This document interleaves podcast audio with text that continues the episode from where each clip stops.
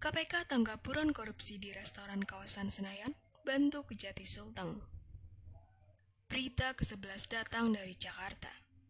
Tersangka kasus korupsi bernama Christian Andi Pelang atau CAP masuk dalam daftar pencarian orang.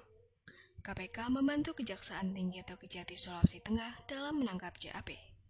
KPK, Kejati DKI Jakarta, serta Kejari Jakarta Pusat membantu memfasilitasi penangkapan CAP. CAP merupakan tersangka korupsi di bawah wewenang Kejaksaan Tinggi Sulawesi Tengah. Ali Fikri, juru bicara KPK menyampaikan bahwa tersangka ditangkap di sebuah restoran di daerah Senayan.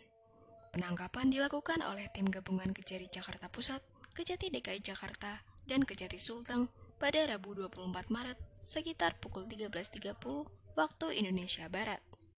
Tersangka merupakan pihak swasta penyedia barang atau jasa dengan dugaan tindak korupsi pekerjaan penggantian jembatan Terati CS yang berada di Kabupaten Donggala, Sulawesi Tengah.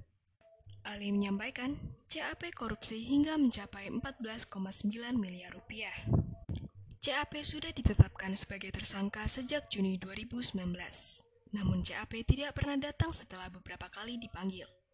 Ali mengatakan, penangkapan tersangka merupakan bentuk sinergi antara KPK, Kejaksaan, dan Polri dalam penegakan hukum tindak pidana korupsi. Beliau menambahkan, kerjasama ini sangat dibutuhkan dalam upaya pemberantasan korupsi.